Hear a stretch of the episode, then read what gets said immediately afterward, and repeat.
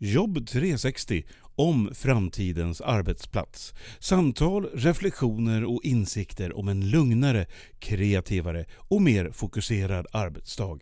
Inbjudna gäster tillsammans med Pia Andreasson och hennes kollegor från Direxio.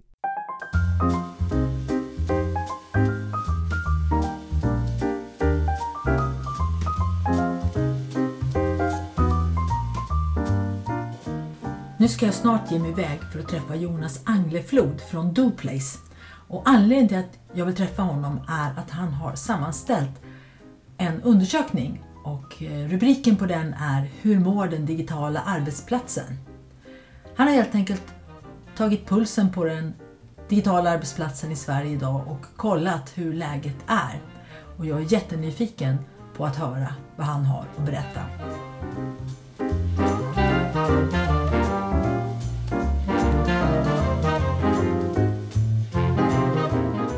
Jonas Angleflod, välkommen till podden Jobb 360. Tack så mycket. Eh, och eh, vi har träffats därför att du skrev en rapport som jag läste och den tyckte jag var väldigt intressant. Så vi ska prata lite om den. Men först berätta lite om dig själv. Vem är du? Jag är en kille som har jobbat i både små och stora bolag de senaste 20 åren med kommunikation och IT i olika former. Jag kommer från telekomvärlden från början har både drivit egna bolag men också jobbat i några av Sveriges största bolag med affärsutveckling och tjänsteutveckling och intern utveckling som ledare för att ja, hjälpa organisationer att bli bättre helt enkelt. Utveckling i kubik, lät det som du sa det tre gånger faktiskt. Ja, ja just det.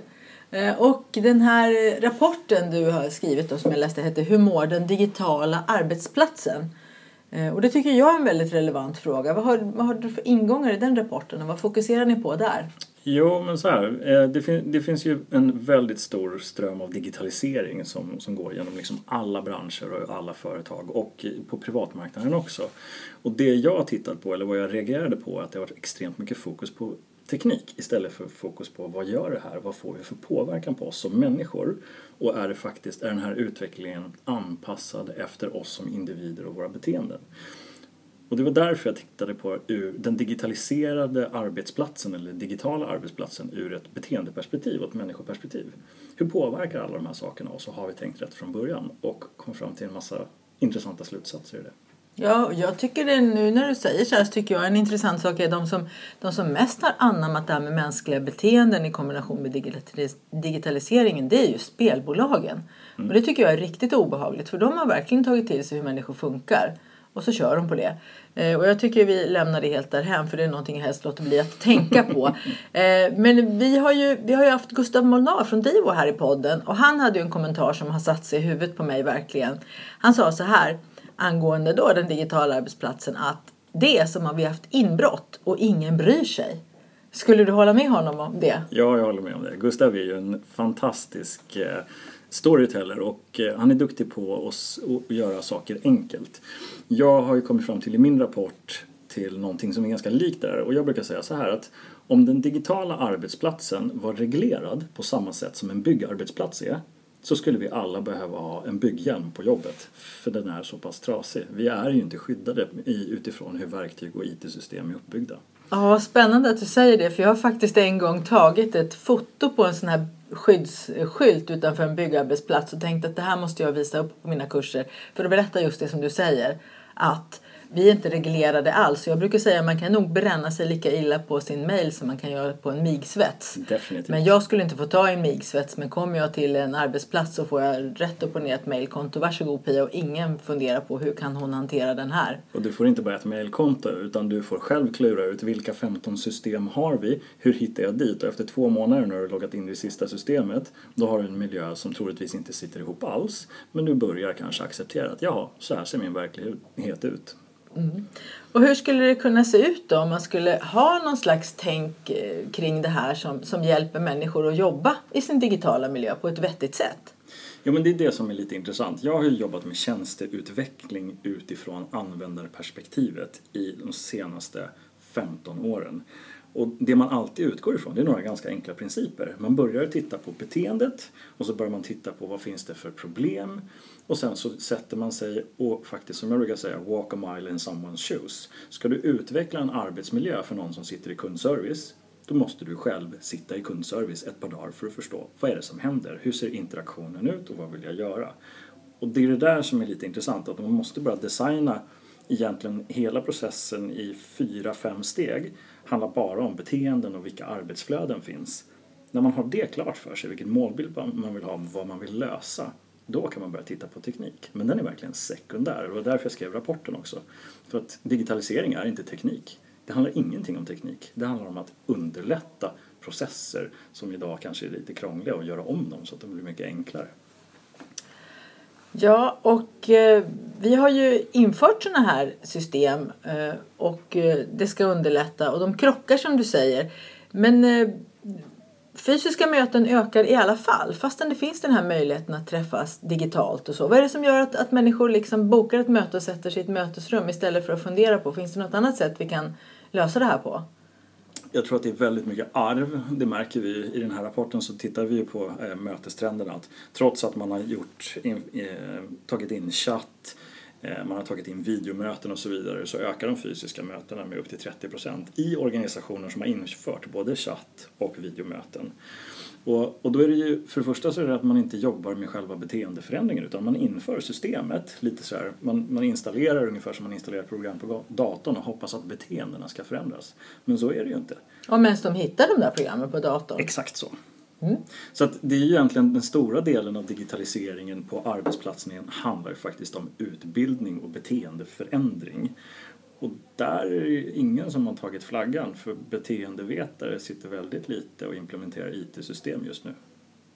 Nej, vad gör de då? Beteendevetarna, vad har de för någonting i fokus om de inte tänker på den digitala arbetsmiljön som är så central? Nej, men de jobbar ju väldigt mycket, och det här blir så, det här blir så paradoxalt, de jobbar ju extremt mycket med eh, mental hälsa eh, och mental ohälsa, stress och rehabilitering och så vidare som är en effekt av vad vi har byggt för miljö på arbetsplatsen. Så man sitter på ena sidan, i kanske utifrån HR-perspektivet och försöker bota symptomen och på andra sidan så sitter man och skapar nya problem men det är ingen som tittar på mellanlandet där. Vad är problemet egentligen? Och det är det här jag vill komma åt också på lite olika sätt. Ja, jag brukar ju säga det att istället för att gipsa ben så grusar jag på isen så att folk inte halkar och bryter sina ben mm. utan lär dem hantera det här istället. Eh, jag tänkte på eh, när man, när man eh, inte ser till de här, när det finns det här mellanrummet. Det finns ju mellanrum på många ställen i organisationer. Men det här mellanrummet, hur, hur skulle man kunna överbrygga det när IT och HR står så långt ifrån varandra? De ena så säger du orsakar mer eller mindre problem och de andra försöker avhjälpa dem. Och sen så, vad finns det för bryggor där som man kan bygga? Ja, men det är ju samarbete. Det är, det är så himla enkelt. Eh, jag kommer tillbaka till det här hela tiden. Det handlar om att, eh, att man hittar en metod som, som tvingar en att samarbeta. Eh, ja, vi, har, vi har gjort en metod som vi kallar för The Epic Split. Känner du till The Epic Split? Nej, nu får du berätta mer om det ja. faktiskt. The Epic Split är ju en gammal reklamfilm där Jean-Claude Van Damme står i split mellan två stycken lastbilar. Den har jag ju sett, ja. ja. Och i min värld så är den episka splitten, vilket är svår att utföra på arbetsplatsen, det är att kombinera just beteenden och IT-miljö. Och det är det här som är mellanlandet. Någon måste ju stå här mitt emellan. Vad jag försöker göra då i Epic Split är att vi har gjort en, egentligen en workshop-metodik och en designmetodik som är superenkel. Men den tvingar HR och IT att göra den tillsammans. Så HR och IT går igenom först, tittar på vad, hur ser vår arbetsmiljö ut idag? Walk a mile in someone's shoes, alltså sitt och jobba på kundservice, både IT och HR, samla in information, klicka runt själv, sen därefter workshoppa tillsammans i ett format som är väldigt enkelt. Vad är det för problem vi ser? Vad kan vi lösa? Vilka beteenden vill vi förändra? Hur gör vi det? Där HR och IT gör det här tillsammans. För beteendevetarna, de vet hur man ska göra för att påverka beteenden. IT vet hur man ska digitalisera just den här beteendeförändringen. Så det kommer inte hända förrän de sätter sig i samma rum och gör det här.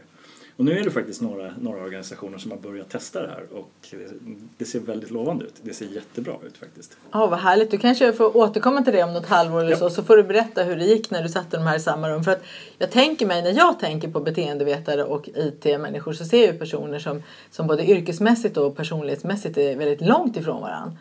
Eh, men min tanke är ju då att när man, man får sådana människor att sätta sig tillsammans så får, har man ju en väldig bredd egentligen och man får dem att connecta där i den där splitten. Ja. Och det är det som är liksom själva nyckeln i det här workshopformatet Att workshopen bygger på att du har så många olika infallsvinklar som möjligt. Sen tvingar man dem igenom ett antal olika saker. De får skriva, de får skapa idéer, en idé per minut i åtta minuter och sen så får man prioritera dem där och skapa storyboards och så vidare.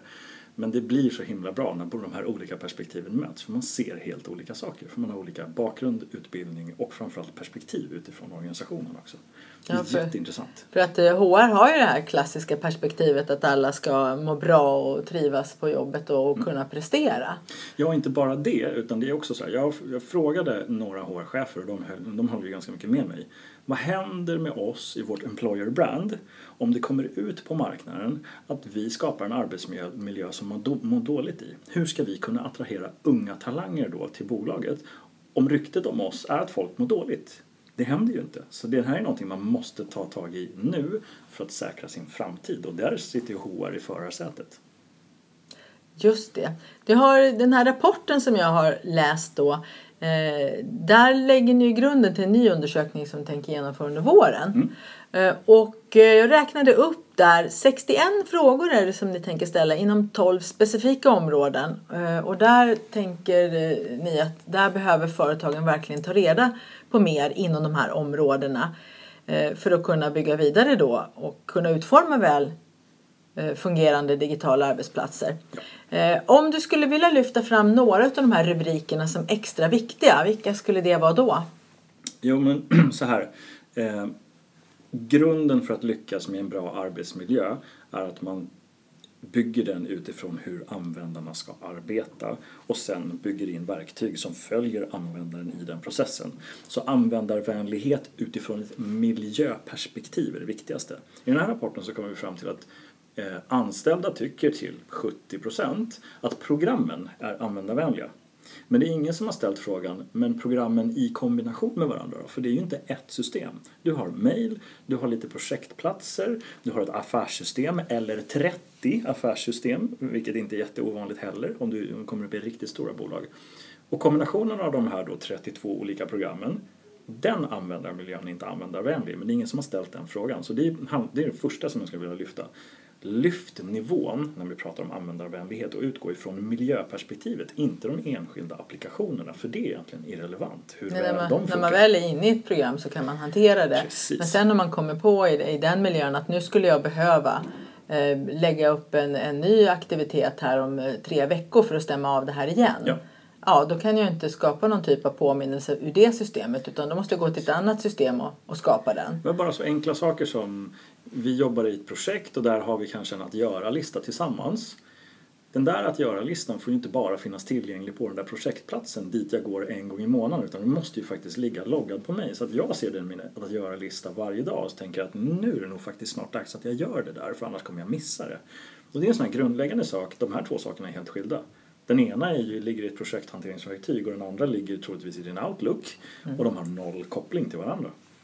Det, är ju när jag, det har jag märkt nu under flera års tid att det är när jag visar de här kopplingarna mellan både vad du har i Outlook och ditt liv, vad du ska göra och sen också nu på senaste tid de fenomenala kopplingarna som finns mellan då Microsofts bäst bevarade hemlighet som heter OneNote mm. och eh, Outlook och hur du kan synka dem Eh, jag ser på mina kursdeltagare, de, de tror inte det är sant. Liksom, går det att koppla ihop de här? Kan de lira tillsammans på alla möjliga sätt? För att som du säger, de är ju vana vid att programmen fungerar som, som silos utan någon slags connection. Ja. Och jag vet inte hur många gånger jag har fått frågan efter att vi har börjat prata om det här med hur man kan hålla koll på sin vardag och verklighet. Då. Eh, men Pia, vårt verksamhetssystem som vi har, kan det skicka notifikationer till mig in i Outlook så jag får upp det där på uppgiftslistan som du har visat mig nu? Jag brukar säga, ingen aning faktiskt, men de ska kunna leverera det så be att de bygger in den. Mm. Det ska väl inte vara omöjligt? Nej. Klart ska connecta. Bra att du ställde frågan. Exakt. Och, det, och jag tycker att det här är det viktigaste för när man lyfter eh, nivån på frågan kring användarvänlighet från de enskilda programmen eller enskilda systemen som man kanske har väldigt mycket fokus på när man lämnar in eller bygger in dem eller implementerar dem Lyfter man frågeställningen dit, då kommer man ganska snabbt se vem är det som arbetar för vem här egentligen. Titta på er arbetsplats idag. Titta på de personer som sitter där och jobbar. Om de jobbar på sälj, marknad, produktion, logistik, kundservice. Arbetar dina medarbetare för datorprogrammen eller arbetar datorprogrammen för dina medarbetare? Jag skulle tippa till 99,9 procent att det är det första som gäller på arbetsplatsen idag. Att medarbetarna jobbar för programmen. Yes, människan arbetar för maskinen just nu. Det var en kursdeltagare hos mig som kallade det för att mata draken. Exakt så. Man ska skicka in data i, i, i en stor drakmun där som bara kräver mer och mer varje dag och är ganska hotfull också för matar du inte in rätt saker liksom så blir det stök på andra sidan kanske och någon blir arg på en och så. Exakt så. Eh, om man ska börja med det här då, man känner nej men vi behöver verkligen titta över det här och så. Eh, och vi vill göra det redan innan er nästa rapport har kommit. Där. Vad, ska man, vad ska man börja med då? Finns det något ställe där det alltid är stök och där det alltid lönar sig att liksom börja rigga? Ja, eh, jag, skulle, jag skulle faktiskt börja med att titta på där det är som mest administration i din organisation idag. Det kan vara olika. I den branschen som jag kommer ifrån, som är telekom, där jag är liksom uppvuxen, eh, där är det alltid kundservice.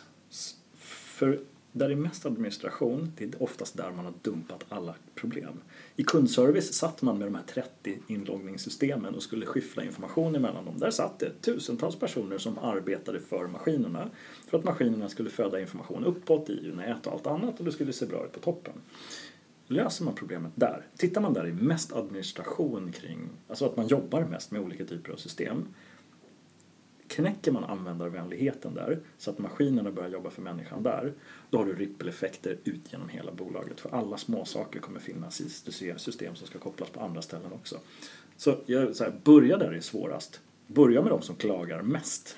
Ah, börja med de som klagar mest. Och, och ska man då titta på de här medarbetarundersökningarna som man gör varje år. Det är de som HR brukar stödja sig väldigt mycket på. För det har jag hört många gånger när jag berättar om, om Direxio vad vi gör och så. Och då har jag ju två svar som jag alltid får. Det ena är jag har inte hört något behov ifrån organisationen. Och då tänker jag Nej, det kan jag förstå för de sitter ju och jobbar hela tiden. De har inte ens tid att säga att jag skulle behöva någonting här. Eh, och det andra är att vi kommer att göra en medarbetarundersökning här om ett halvår så ska vi vänta och se vad den säger. Eh, och jag tänker mig att i de här medarbetarundersökningarna då så borde man kunna se att, att man tycker att det är jobbigt. Eller ställs inte ens de frågorna? De ställs inte på det sättet. Och det är ju det är nummer ett. Så här. Det, finns ingen som, som, det finns ingen medarbetarundersökning som har ställt frågorna utifrån arbetsmiljöperspektiven i det digitala. Utan det är hur känner du att samarbetet i din, din grupp fungerar? Din grupp kontra andra avdelningar. Hur samarbetar du med dina kollegor? Hur mår du på arbete? Hur nöjd är du med lokaler? Lokalfrågan har blivit jättepopulär i, i de här medarbetarundersökningarna nu när folk har börjat flytta till aktivitetsbaserade Ja, kontor och så vidare. Måste man fråga Ja, ja. det. Men fortfarande så frågas det inte om hur tycker du att din digitala arbetsmiljö frågar?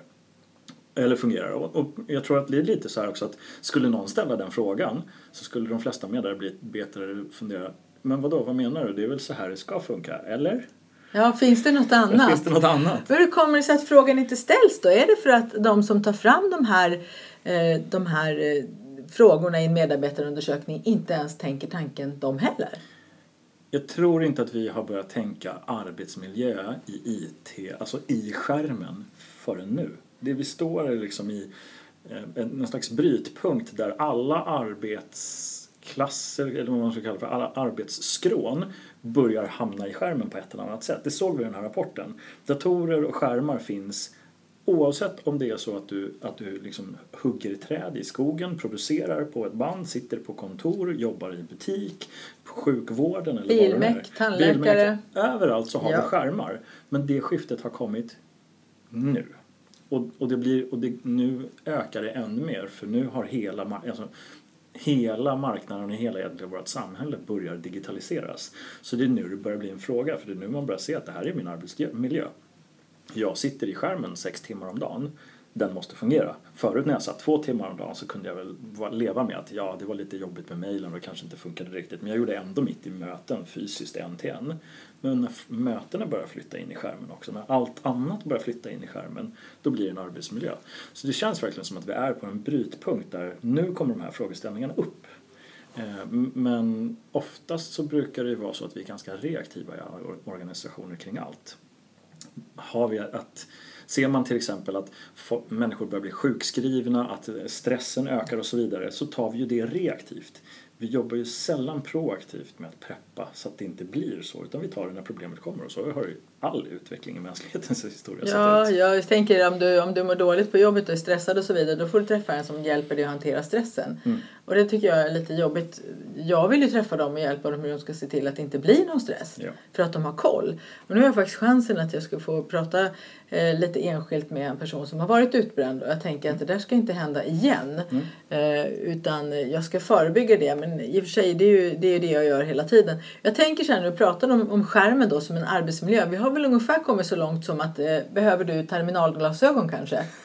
Är det där vi befinner oss? Ja, nej, vi har kommit lite längre. Lite längre, men tack för det. För, för, vi börjar också tänka på att bordet behöver vara 67 till 70 centimeter och kanske höjsänkbart och stolen du sitter på ska vara ergonomisk. Men det är miljön Men runt omkring. här vad heter det, underarmsstöd. Ja, och lite Sånt har jag på Ja, min precis. arbetsplats faktiskt. Har haft länge. Och det, den Ja. Mm. miljön tänker vi på. Eh, Men Det är jag- fortfarande kroppen. Precis. Jag tror ju tyvärr att den fysiska belastningen på din rygg och slitaget på den när du sitter på en kontorsstol kontra slitaget av en dålig arbetsmiljö på din hjärna.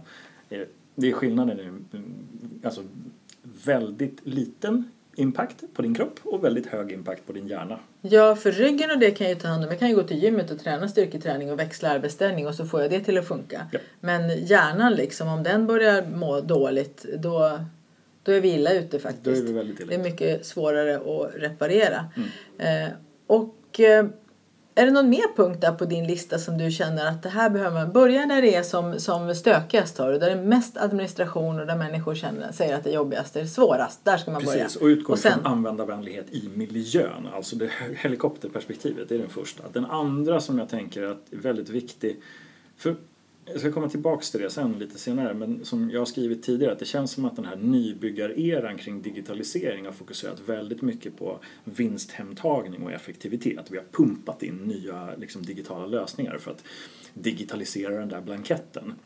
Men man har liksom inte tänkt på vad det nu ger, skapar för upplevelse när vi har digitaliserat de där 30 blanketterna med 30 olika saker och så kommer det två affärssystem till. Så det känns lite som så här, åh nu kan man digitalisera, perfekt, nu kan vi liksom optimera våran bottom line här och få ut 3 miljoner till i vinst på sista raden. Men det är ju den lilla effekten av digitaliseringen. Den stora effekten av digitaliseringen är ju om vi kan skapa kreativitet. Alltså kan vi göra så att maskinerna jobbar för människan och frigör tid för människan så människan kan vara kreativ. För jag tror att vi kan skapa långt mycket mer intäkter med kreativa människor som arbetar i våra organisationer än vad vi kan skära i kostnader med att digitalisera några få blanketter. Så det, därför tycker jag att en frågeställning då, det första är, är det användarvänligt? Den andra frågeställningen ur ett effektivitetsperspektiv är Jobbar våra maskiner? Känner du att arbetsverktygen och miljön stöttar dig och frigör tid för dig att vara kreativ? Uppskattningsvis, hur många timmar per dag lyckas du och känner du att du har tid för kreativitet? För det kommer också falla tillbaks på den psykosociala miljön. Mår jag dåligt när jag har tid att vara kreativ? Nej, det gör jag oftast inte. Det är när jag inte har tid att vara kreativ, när det är för mycket. Eh, vi använder ju den här klassiska eh, stressmodellen som, som, som tittar på krav, stöd och kontroll. En klassisk modell som är framtagen av två svenska forskare. Och den säger i princip så här, har du ett högt st- socialt stöd från din chef och dina med medarbetare, har du rimligt ställda krav och har du hög kontroll över att hur du utför ditt arbete, då mår du ganska bra. Har du låg kontroll, alltså det är för mycket att göra, har du lågt socialt stöd, dina kollegor och din chef hjälper dig inte, eh, och eh, i princip lågt på alla, då ligger du ganska risigt till. Och, och då finns det ganska många yrkesgrupper som är där. Så att det här med tid, att, att det finns liksom tid för att vara kreativ, det kommer ge så många andra effekter som påverkar hur du mår som tidigare. Finns det tid? Har vi bara fått ut tid för att vara kreativ, då har vi löst ganska många problem. Sen behöver man ju nästa steg då att, att det är okej att vara kreativ. Att när du har gjort ditt, du har någon timme över per dag, då ska du tänka på, på liksom i de större perspektiven. Istället för som nu känner jag att människor bara jobbar och jobbar och jobbar och nästa dag är det lika mycket till och nästa dag är det lika mycket till. Ja. Och eh, en hel del av det säger jag är eh, att man upplever att det är mycket. Det är inte så att det är mycket utan just den här bristande kollen som man har gör att det känns som att det är mycket.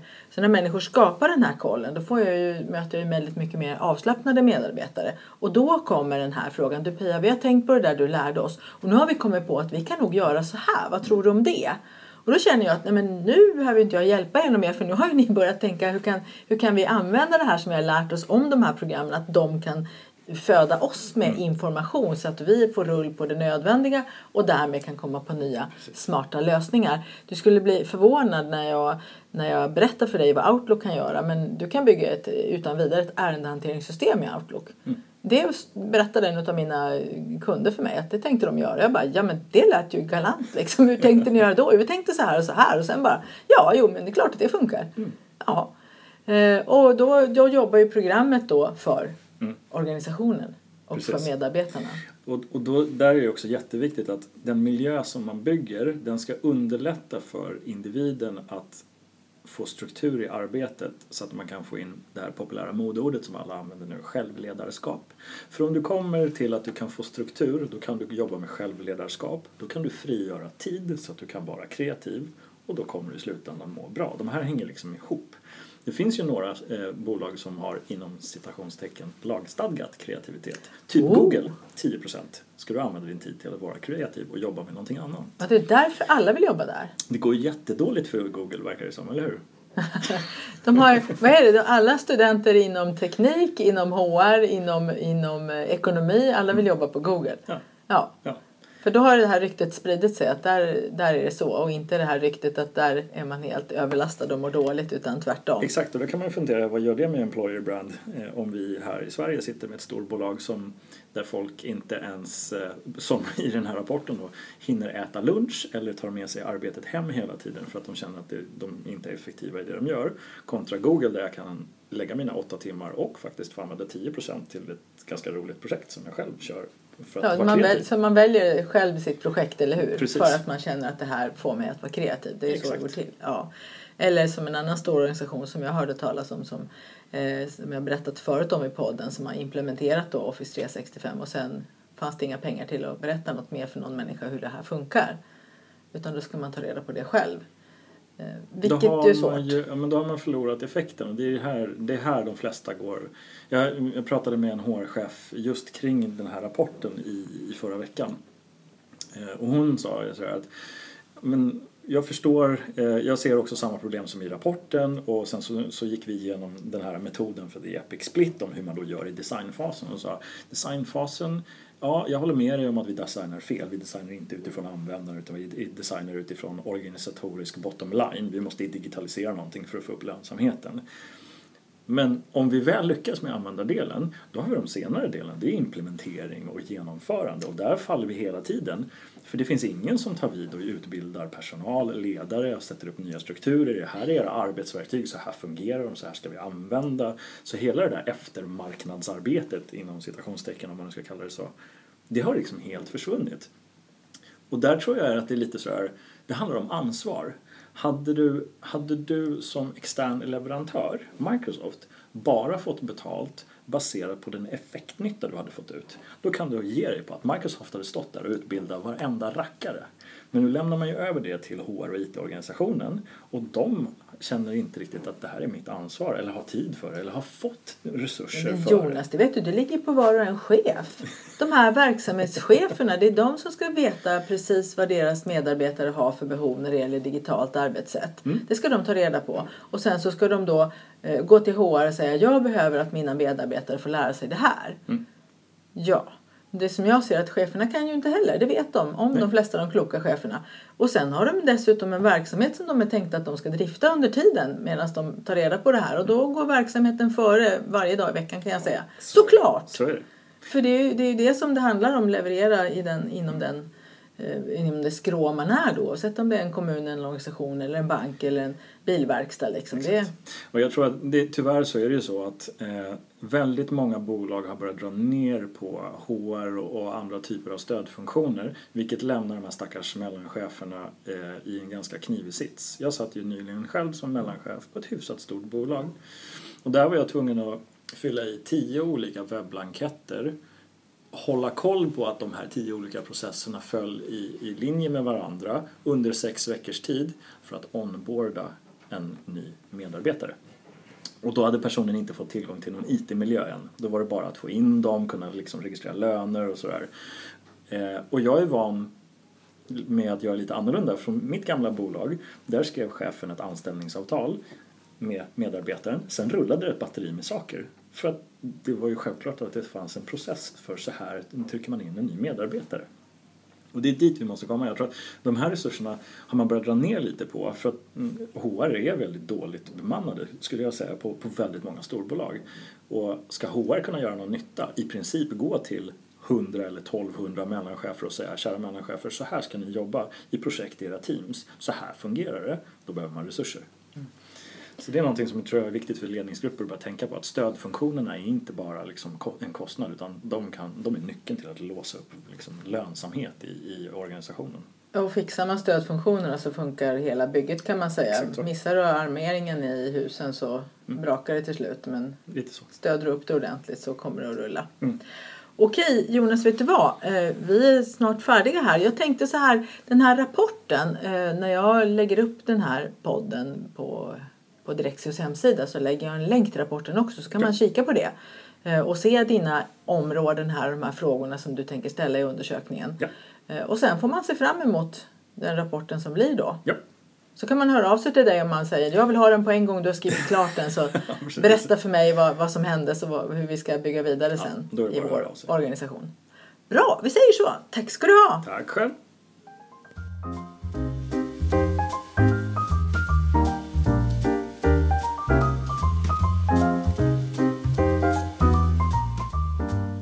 Bygger en IT-miljö så ska det underlätta för individen och få struktur i arbetet för då kan man få till det här som kallas för självledarskap. Om man får till det så får man struktur och då kan man frigöra tid för att vara kreativ och då kommer du att må bra. Det tycker jag var en fantastisk sammanfattning av det som Jonas berättade. Att den digitala miljön ska hjälpa människor att frigöra tid för att därmed bli kreativa och det ska leda till välbefinnande. Det är någonting som jag kan hålla med om till 100 procent. Och det är ju det som jag också jobbar med på Direxio. Vi hörs!